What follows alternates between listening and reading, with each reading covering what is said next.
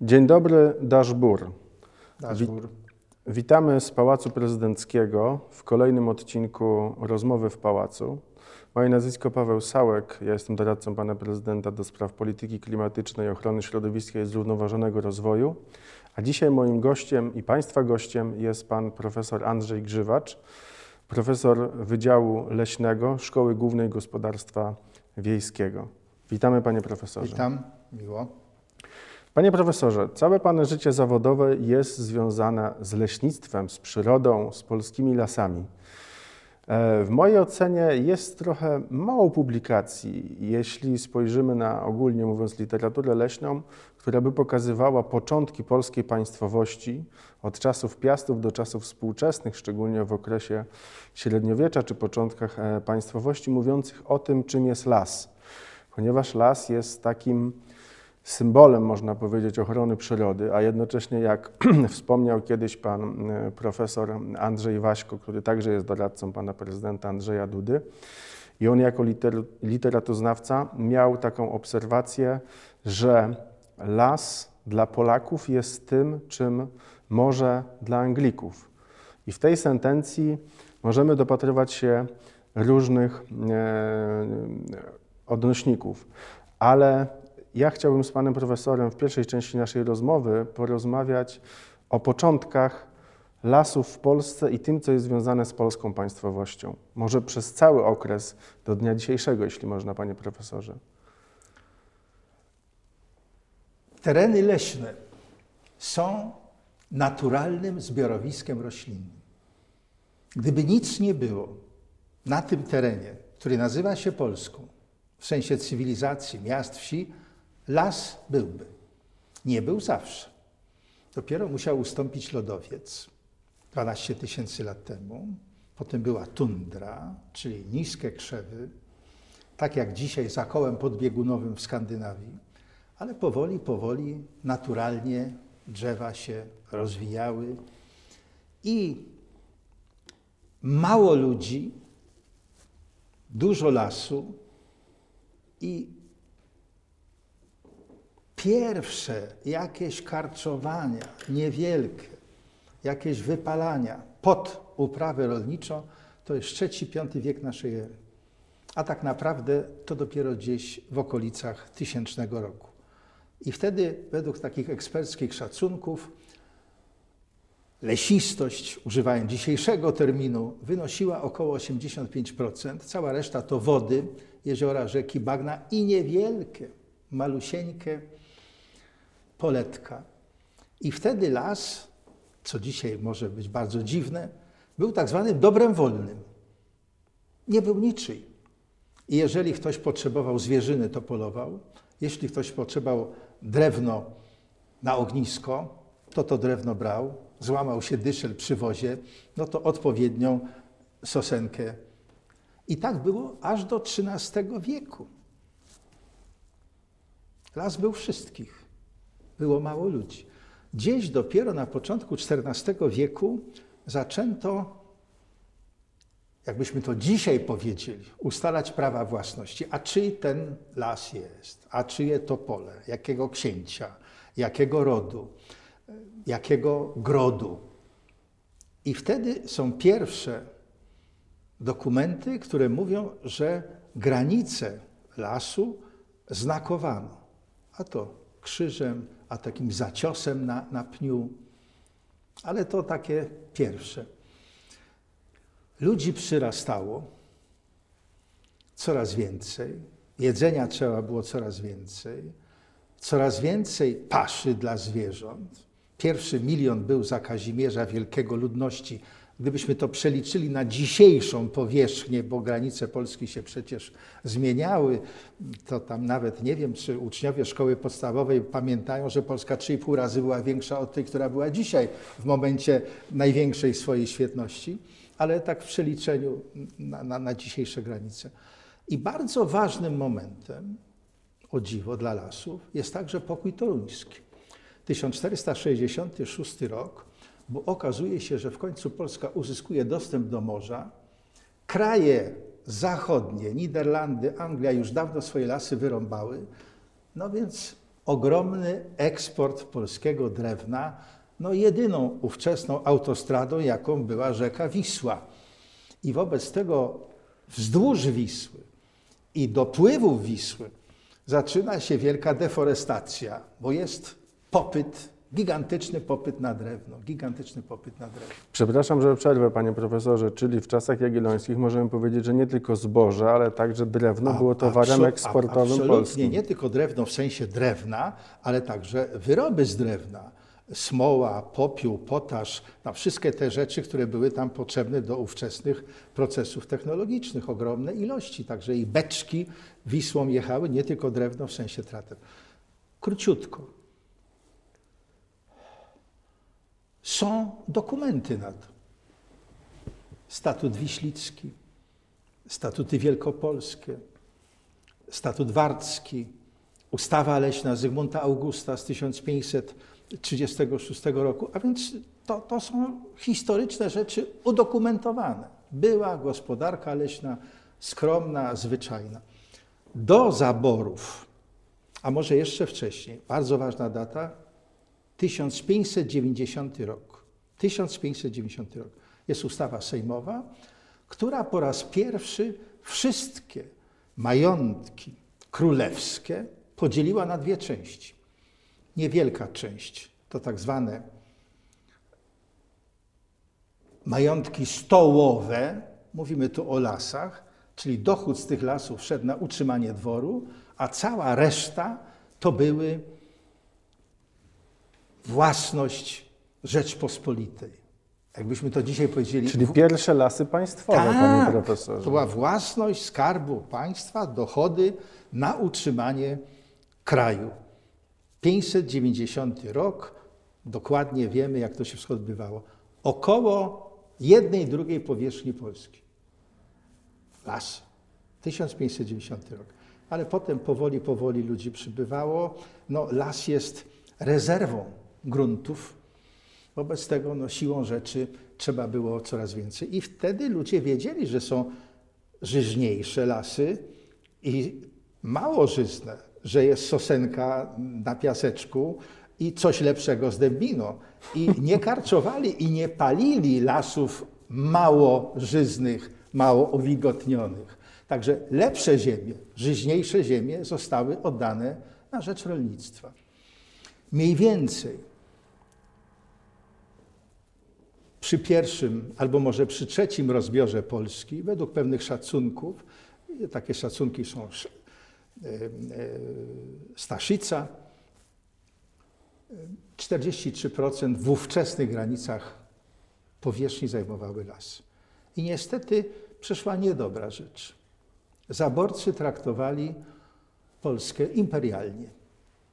No, co tu można wydobyć, co tu można wyciąć, co tu można spieniężyć. I zaczęli sprzedawać państwowe lasy, chociaż nie było jeszcze słowa państwa, to były królewszczyzny. No, ale pieniądze ze sprzedaży nie swoich lasów szły na rozbudowę na przykład Wiednia, na przykład Hamburga czy Petersburga. Taka, taka jest prawda. Na to są liczne dokumenty. I ilość tych królewszczyzn, czyli tego, co byśmy dzisiaj nazwali lasami Skarbu Państwa, bardzo malała. I nawet wiemy mniej więcej ile. Gigantyczna powierzchnia. Prawie 5,5 miliona hektarów lasów zostało w ten sposób Zrabowanych, no bo Zrabowanych, trzeba zrabowanych. powiedzieć, że to zaborcy Jeszcze, rabowali. jeszcze tu w zaborze rosyjskim czy zaborze austriackim to mógł kupić Polak, ale w zaborze pruskim tylko obywatel swój, nie polski. Ale nie same były tylko takie kryzysy. Były też i dobre miejsca, dobre. Takim bardzo ważnym w historii leśnictwa to jest utworzenie Królestwa Kongresowego, Królestwa Polskiego, 815 rok. Ogromny zapał społeczeństwa, że choć pod zaborem rosyjskim, chociaż królem Polski jest car Rosji, jednak jakieś swobody są. I znalazła się grupa osób, która no, rozwinęła ogromną inicjatywność i powstał Wydział Lasów Komisji Przychodów i Skarbu, Komisji Rządowej Przychodów i Skarbu i tam się znalazło kilka osób, no, trudno tu ich wszystkich wymienić, może jednego, Ludwik Plater, którzy utworzyli po raz pierwszy w historii Polski taką autentyczną administrację lasów rządowych, lasów skarbowych, bo tak się nazywały. Nie mogły się nazywać państwowe, bo państwo to była Rosja. Ale to nie tylko to. Był korpus polski znakomicie zorganizowany, ale potrzeba było ludzi. A skąd tych ludzi wziąć? Powstała wyższa uczelnia, pierwsza leśna, szczególna szkoła leśnictwa w Warszawie. Mało tego, Panie profesorze, przerwę 1820 to jest Powstał powstanie... Sylwan. pierwsze- Powstał Sylwan, y, pi- czasopismo naukowe, y, właśnie z tej inicjatywy. Mamy dzisiaj dwustulecie, dwustulecie i do tej pory leśnicy tak ostrożnie mówili, jedno z najstarszych czasopism leśnych, naukowych na świecie, ale tak mówili, bo nie byliśmy do końca pewni, a może gdzieś w Japonii, a może w Chinach, a może gdzieś w Ameryce, jest starsze. Jest bez wątpliwości najstarszym czasopismem leśnym na świecie. Wtedy to powstało.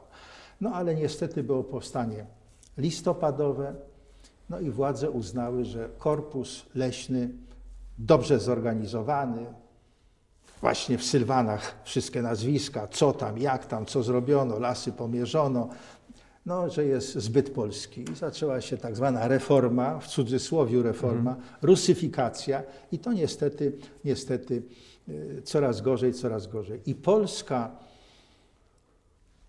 która uzyskała wreszcie swoją niepodległość, po tych 123 latach niewoli, my tu mówimy o rusyfikacji, o, o różnych innych niedobrych rzeczach zaborów, ale lasy też ucierpiały. Lasy ucierpiały. Były przerąbane, były zniszczone. I ten biedny kraj po tak długiej niewoli no nie miał dochodów. No już mówimy, panie profesorze, o roku 1918, 18, 1920, tak. Czyli i- początek Tak, początek niepodległości. polskiej niepodległości. No i co ten biedny kraj mógł sprzedać, żeby mieć dewizy, żeby móc kupić coś dla kraju na inwestycje? No co mógł? Mógł sprzedać węgiel i drewno. I wobec tego, mimo pewnych zniszczeń w lasach spowodowanych I wojną światową, zaborcami, no, zdecydowano się, to mało społeczeństwo dzisiaj o tym wie, że lasy państwowe, jeszcze nie będące lasami państwowymi, ale te królewszczyzny dawne, powinny ubogiej ludności dostarczać drewna na opał. Ale to było za mało. Wobec tego w 23 roku ustawą sejmową wyznaczono tak zwaną daninę lasową, czyli wszyscy właściciele lasów, także lasy państwowe, musiały oddać jedną trzecią drewna użytkowego, użytkowego bezpłatnie pozyskać i oddać na rzecz państwa, bo były takie wsie, których nie stać było na kupno drewna do wyremontowania czy do postawienia chałupy. No, jeżeli były jakieś problemy, to można było ewentualnie w ekwiwalencie pieniężnym zapłacić, a ktoś, kto się ociągał, to były wysokie kary. To jest tam bezwzględnie to Ale pilnowane. panie profesorze, na początku II Rzeczypospolitej drewno było towarem eksportowym, tak jak Tak, węgiel, tak jak tak. pan wspomniał. Były daniny dla ludności, że mogliby brać os osoby mieszkające w Polsce, biedne mogły brać na opał. Dodatkowo był ten ekwiwalent e, drewna użytkowego do remontów, e, do Ale różnego rodzaju działalności. Było, panie ministrze, to, Ale- to jeszcze było za mało. Ale były też jeszcze bardzo przykre sprawy w polskich lasach. Chcę tutaj powiedzieć o tej słynnej firmie mm, angielskiej, która dokonała potężnej eksploatacji między innymi Puszczy Białowieskiej, nie wywiązując się z umowy. Ale jeszcze chcę zauważyć, panie profesorze, jedną sprawę, mianowicie, że to biedne państwo w okresie dwudziestolecia międzywojennego decydowało się także na to, aby kupować grunty leśne i Dokładnie. odnawiać te powierzchnie leśne, co było Dokładnie. też dużym wysiłkiem Dokładnie. finansowym. Krótko. E, Rzeczywiście e, sprawa była bardzo skomplikowana. Mianowicie Polsce było bardzo ciężko sprzedać drewno. Gdańsk był nieprzyjazny, ale i Litwini nie chcieli puszczać drewna Niemnem do Kłajpedy. Byli zagniewani, że Wilno przypadło Polsce. Wobec tego znaleziono pewne wyjście, że nie polskie drewno z polskich lasów, a angielskie drewno poprzez firmę The Century European Timber Corporation z sześciu nadleśnic ówczesnej Puszczy Białowieskiej, cała Puszcza Białowieska należała do Polski, i z jedenastu nadleśnic nadniemieckich w okolicach Słonima i Grodna. Na gigantyczną kwotę ówczesną, na 10 lat, na wiele milionów metrów drewna, yy, że tak powiem, wydzierżawiono. Niestety firma nie wywiązywała się z umowy i trzeba było tą umowę po pięciu latach przerwać. Nie zalesiała tych gruntów, nie odnawiała i tak dalej. Tam mhm. dużo błędów było, no, niestaranności. Ale to jeszcze nie wszystko. Lasy państwowe, mimo że one nie zawierały tej umowy, to rząd zawarł tą umowę, musiały wypłacić musiały zapłacić ze swoich dochodów 525 tysięcy funtów szterlingów na ówczesne czasy gigantyczna kwota takiego odszkodowania.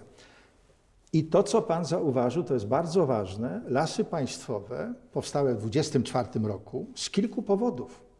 Z kilku powodów. Raz, że były te królewszczyzny zniszczone i chciano z tych lasów państwowych już nie tylko zrobić takie lasy rządowe, tylko polskie lasy państwowe przedsiębiorstwo przedsiębiorstwo. Decyzją prezydenta takie y, powstały. I dwa, chciano zrobić jako że państwowe, takie wzorcowe, takie promocyjne, żeby gospodarka leśna w lasach prywatnych miała mm, skąd brać i żeby to wzorcowo było prowadzone. I rzeczywiście lesistość nadal spadała w okresie międzywojennym a lasów państwowych wzrastało dzięki kupnu lasów zadłużonych, ale to nie, nie byle gdzie, takich lasów ważnych ze strategicznego punktu widzenia, przygranicznych, mających duże znaczenie dla obronności kraju. Takie rzeczy, takie rzeczy się robiło. I tutaj trzeba powiedzieć dwa nazwiska, mianowicie Jan Miklaszewski i Adam Loret. To takie dwie wielkie postacie przedwojennego leśnictwa, krytykowanego. Nie Ale to leśnictwo, panie profesorze, można powiedzieć, że przetrwało do dzisiejszych czasów. Dokładnie, Później był okres II wojny światowej, kolejna grabież I, i, e, polskich lasów. Dokładnie. Jednocześnie niewiele osób o tym wie, ale blisko jedna druga pracowników lasów państwowych zginęła y, podczas II wojny światowej. Jest to, no, to jest zrozumiałe. No, leśnik pracuje w lesie, bardzo przydatny dla partyzantów. Przed wojną wszyscy leśnicy z lasów państwowych przeszli przeszkolenie wojskowe. Dzisiaj już można na ten temat mówić. Byli wyspecjalizowani do prowadzenia walk partyzanckich i do kontrwywiadu. I to była wiadomość dla Sowietów znana. I dlatego pierwsza wywózka 10 stycznia 1940 roku na Syberię dotyczyła leśników z terenów wschodnich rubieży, jakbyśmy do dzisiaj powiedzieli, Kresów i tak dalej. I rzeczywiście wśród zawodów to jest grupa, która poniosła jedną z większych ofiar w czasie II wojny światowej. Tak, ale panie profesorze, mamy dzisiaj w Polsce wypracowany ten system gospodarki leśnej, która funkcjonuje. On ma swoje zaranie, można powiedzieć, już od strony naukowej, jeśli wspominaliśmy czasopismo Sylwan, najstarsze tak. czasopismo leśne na, na świecie. świecie. Później mamy okres II wojny światowej, początki, początki niepodległości, jednocześnie ogromny wkład lasów państwowych w rozwój kraju w różny sposób, o czym mówiliśmy. Później mamy stworzenie Państwowego Gospodarstwa Leśnego Lasy Państwowe i wykreowanie tego modelu, który do dzisiaj funkcjonuje w Polsce, także po 1945 roku został utrzymany i dzisiaj e, także współcześnie funkcjonuje, to jest coś, co od strony ekologicznej, takiej systemowej, naukowej w Polsce udało się w genialny sposób przeprowadzić, patrząc na Europę i w zasadzie na cały świat. Co nie znaczy, że to leśnictwo nie ulegało zmianom. Mówimy o lasach państwowych. Na początku, co jest rzeczą zrozumiałą, był taki model takiego gospodarstwa jednofunkcyjnego. No głównie produkcja drewna, tam tych wszystkich ubocznych produktów, grzybów, ziół i tak dalej, żywicy i tak dalej. Ale to dzisiaj jest trochę za mało i dzisiaj jest wykreowany model, nie wszędzie, ani w Europie, ani na świecie realizowany, tak zwanej wielofunkcyjnej gospodarki leśnej, gdzie na równi jest ta funkcja gospodarcza, ale i ta funkcja ochronna i ta funkcja y, społeczna. Ale już w okresie międzywojennym, ponieważ nie było Ministerstwa Środowiska, nie było żadnych wydziałów ochrony środowiska w urzędach wojewódzkich, to się wszystko odbywało w lasach państwowych. Między innymi no, z takiego powodu, że pierwsza ustawa o ochronie przyrody z 1934 roku była króciutka, tylko cztery strony. Jak na, dzisiaj na ustawę popatrzę, aktualnie obowiązującą, ale tam ona była taka ogólna i niektórym prywatnym właścicielom lasów, tym dużych lasów, między innymi ordynacyjnych, no to się nie bardzo podobało, żeby coś przekazać na rzecz ochrony przyrody. I wobec tego wszystko, co powstało, trzy parki, Białowieski 32, Pienieński 32, pasmo Czarnochory, dzisiaj na terenie Ukrainy, ale też i zalążki, zalążki wszystkich przyszłych parków, jako na początku rezerwaty Taczański, Babia Góra, y, Łysogóry, czyli Świętokrzyski, y, Kampinoski y, i tak dalej. Ilość rezerwatów wzrosła. Mało tego, przecież to lasy państwowe restytuowały żubra. No właśnie. W XIX roku ostatni żubr padł. Jeszcze w czasie I wojny światowej żołdactwo niemieckie, przepraszam, że tak powiem, polowało sobie na żubry, bo oni okupowali Puszczę Białowieską. Ostatni padł w XIX roku. Przez 10 lat w Puszczy Białowieskiej żubrów nie było i zdecydowano się taką restytucję zrobić. No dzisiaj się mówi na przykład tak ogólnie w książkach, państwo polskie kupiło żubry do zagrody i tak dalej. No jak nie do tak, końca. Jak się tak bliżej popatrzy, to tak, państwo polskie, ale tak dokładnie, to Nadleśnictwo Białowieża zrobiło zagrodę na żubry. Departament Leśnictwa w Ministerstwie Rolnictwa i Reform Rolnych zakupił z pieniędzy lasów państwowych te żubry. No i powoli, powoli, powoli, no dzisiaj mamy y, symbol ochrony przyrody. To jest 29 rok. I pan minister, jako prezes Ligi Ochrony Przyrody, doskonale wie, że w logo lopu jest żubr, bo to jest wielka chluba ochrony przyrody z okresu międzywojennego. Dokładnie, więc y, ten polski towar eksportowy, dzisiaj byśmy mogli powiedzieć żubr, tak. jest zachowany i odnowiony właśnie przez y, Polaków. I przez Polaków, trzeba, przez leśników, przez trzeba... leśników z Nadleśnictwa Białowieża. Tak. To, to, jest, to jest prawda i to trzeba podkreślać. Panie profesorze, jeszcze czym są lasy, chciałem zapytać, dla ochrony przyrody, dla ochrony bioróżnorodności, e, tego wszystkiego, co jest bezpośrednio związane z polską przyrodą, bo dzisiaj trzeba podkreślić to, że dzisiaj w Polsce dostęp do lasów jest zupełnie swobodny, a także zbieractwo w lasach, tak bardzo popularne w Polsce, mówię tu o runie leśnym, też jest bezpłatne. Tak, i to jest świadomie. To jest świadomie, to państwo utrzymuje żadnych asygnat na zbiór grzybów i tak dalej. To jest własność całego społeczeństwa. Ale też i trzeba powiedzieć, że y, to jest taka, taki czon, taka infrastruktura ochrony przyrody w Polsce, lasy. 65% tego wszystkiego, co w Polsce żyje, rośliny, zwierzęta, grzyby, mikroorganizmy, to są organizmy leśne. Większość parków narodowych, 23, to jest powierzchnia leśna. 85% wszystkich rezerwatów, około 1500 aktualnie, to leżą w administracji lasów państwowych na terenach.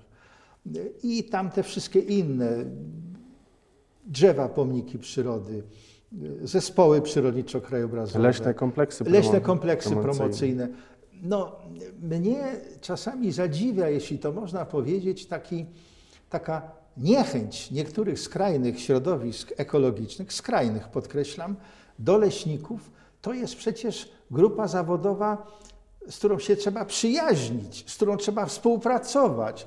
krytykować, co się nie podoba, ale, ale, ale nie tylko no, wiecznie mieć jakieś pretensje, a nawet jeden tu z działaczy, jakoś pominę nazwisko, mówi, że leśnicy ani nie mają uprawnień, ani się nie nadają do ochrony przyrody, ale, ale kto by się nadawał, to, to do, nie do końca wiadomo. Ochrona przyrody jest normalną, składową częścią leśnictwa. Wszystko, co się odbywało, odbywało się zawsze w lasach. I, i, I tak powinno dalej być, dlatego, jeśli to można tutaj powiedzieć, no, leśnicy uważają, że nadal w Ministerstwie Klimatu i Środowiska powinni być, bo to jest najbliższy współpracownik ochrona przyrody z leśnictwem. Najbliższy współpracownik.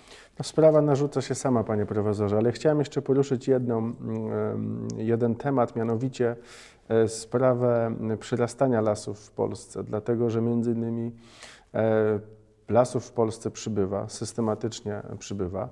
Taką akcją wiodącą, w którą zaangażowany jest y, pan prezydent Andrzej Duda, jest akcja Sadzimy, która ma na celu wielką popularyzację wśród społeczeństwa sadzenia lasu. E, I prosiłbym jeszcze kilka słów, panie profesorze, o, o ogólnie o lesistości w Polsce, jak ona się kształtowała. Najniższa w całej historii była w 1945 roku. Raz, lasy były zniszczone, ale dwa, nas przesunięto bardziej na zachód, na te tereny mniej lesiste. I 20,8% to lesistość całego kraju, najniższa w ogóle. Od tego czasu mozolnie, spokojnie lasy państwowe robiły odnowienia, czyli to, co zostało wycięte na potrzeby gospodarki, i zalesienia, czyli na tych gruntach, na których dawno lasu nie było. I dzięki tej pracy przez cały okres, aż do dzisiaj, no 10% powierzchni lasów wzrosło. Dzisiaj jest 30, tam z drobnym przecinkiem, e, także jest to wielki sukces. Ale to nie tylko powierzchnia wzrosła, wzrosła zasobność tego drewna na pniu, jest 2,5 raza więcej niż w 1945 roku. Mimo, że co roku się wycina 40 milionów metrów, bo tyle potrzebuje gospodarka i my jesteśmy krajem samowystarczalnym pod tym względem. I każda akcja, szczególnie teraz, przy zmianach klimatu, przy zagrożeniach ekologicznych, zwiększenia powierzchni, czy to w lasach państwowych, czy w lasach prywatnych, jest absolutnie godna poparcia. I nasze środowisko leśne, ja tak mogę powiedzieć, no bardzo się cieszy, że pan prezydent z małżonką co roku od dłuższego już czasu bierze udział w akcji sadzenia lasu. Wiem, że bardzo dobrze jest to odbierane. Wiem, jak był mile witany przez brać leśną w nadleśnictwie Rytel. W poprzednim roku potem w nadleśnictwie Lipusz. W tym roku to jest niezwykle dobry przykład. Niezwykle dobry przykład. No, pełen, pełen podziwu jestem, że, że jadą, że sadzą, że pokazują, że, że, że to jest dla kraju, dla społeczeństwa, dla przyrody no, no bardzo, bardzo dobra rzecz. Dzisiaj już nie ma takiej ilości powierzchni do zaleśnień. My byśmy jeszcze więcej chcieli. Dzisiaj jest tam 30, a myśmy uważali w polityce leśnej państwa 20 lat temu, że takie te 33 to będzie takie optymalne, więc jeszcze troszkę jest do zrobienia, tylko nie ma podaży tych gruntów. Jest, jest mhm. mało, jest mało, ale, ale yy, właśnie w związku z tymi zmianami klimatycznymi, yy, z, z tymi problemami pochłaniania węgla, no każde drzewo, nie koniecznie w lesie, ale i w zadrzewieniach, no jest na, na, na, na, na bardzo wielką cenę, na bardzo wielką cenę. Dziękuję panie profesorze za dzisiejsze spotkanie. E, musimy już kończyć z zachowaniem wszelkich reżimów sanitarnych. Dzisiaj gościem w programie Rozmowy w Pałacu był pan profesor Andrzej Grzywacz z Wydziału Leśnego Szkoły Głównej Gospodarstwa Wiejskiego. Dziękujemy uprzejmie. Daszbur, panie profesorze. Dziękuję. Daszbur.